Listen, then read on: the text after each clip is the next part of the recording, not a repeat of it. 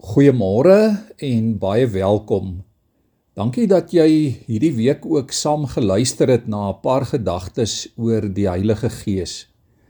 Ek wil jou ook uitnooi om vanaf eerskomende Sondag, die 5de Junie, tot en met Donderdag die 9de om elke aand 6 namiddag op YouTube in te skakel by ons gemeente se Pinksterreeks.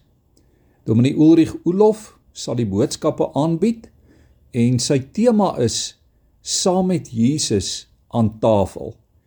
Jy is baie welkom om in te skakel. In Handelinge 7 vers vanaf vers 54 lees ons van die dood van Stefanus, die eerste Christen martelaar. Dit moet vreeslik wees, liewe vriende, om met klippe doodgegooi te word omdat jy 'n gelowige is, omdat jy Jesus se naam bely. Volgens die mees onlangse verslag van die organisasie Geopende Deure is die vervolging van Christene besig om wêreldwyd geweldig toe te neem. Selfs in lande wat glad nie voorheen vyandig was teenoor die evangelie nie. En daarom gaan daar iewers vandag Christene sterf omdat hulle in Jesus glo, omdat hulle bereid is om van Jesus te getuig. 'n Christen se lewe is nie altyd of noodwendig makliker of beter as die van 'n nie-Christen nie. Inteendeel, Christene gaan ook deur beproewings. Christene beleef ook hartseer en Christene ervaar verliese.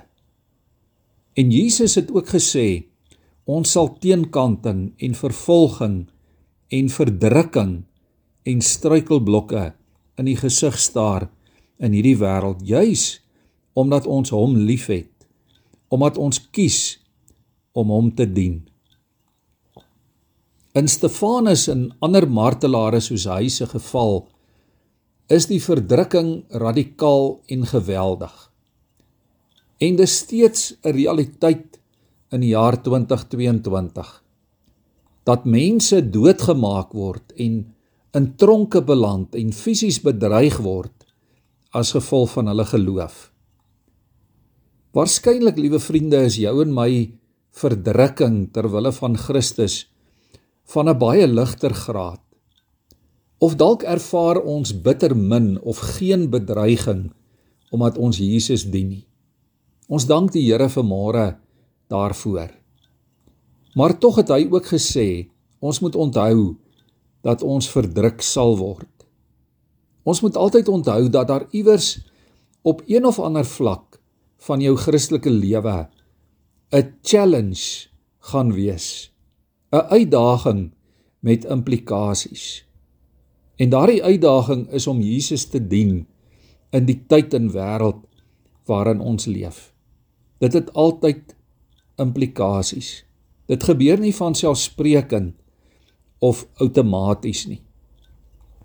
Stefanus waarvan ons lees kon volhard deur die krag van die Heilige Gees. Stefanus se lyding, sy swaar kry, het deur die eeue 'n getuienis geword. Hy was vol van die Heilige Gees. In daardie moeilikste tye was die Gees van God sy krag.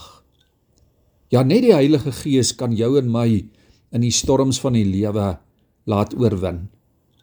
Sodat ons ook getuienis vir die Here kan wees. En sodat ons getuienis nog steeds die wêreld rondom ons positief kan beïnvloed.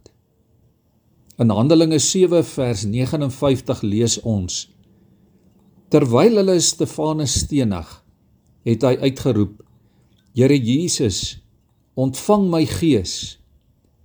En in vers 55 lees ons vol van die Heilige Gees het Stefanus opgekyk na die hemel en die heerlikheid van God gesien. En hy het Jesus gesien wat aan die regterhand van God staan en hy was steeds bereid om sy vervolgers te vergewe. Wat 'n inspirerende getuienis vir jou en vir my. Kom ons buig ons hoofde voor die Here. Here, dankie vir mense so Stefanus. Dankie vir mense, Here, vir getuies wat volhard het sodat ons vandag in U kan glo.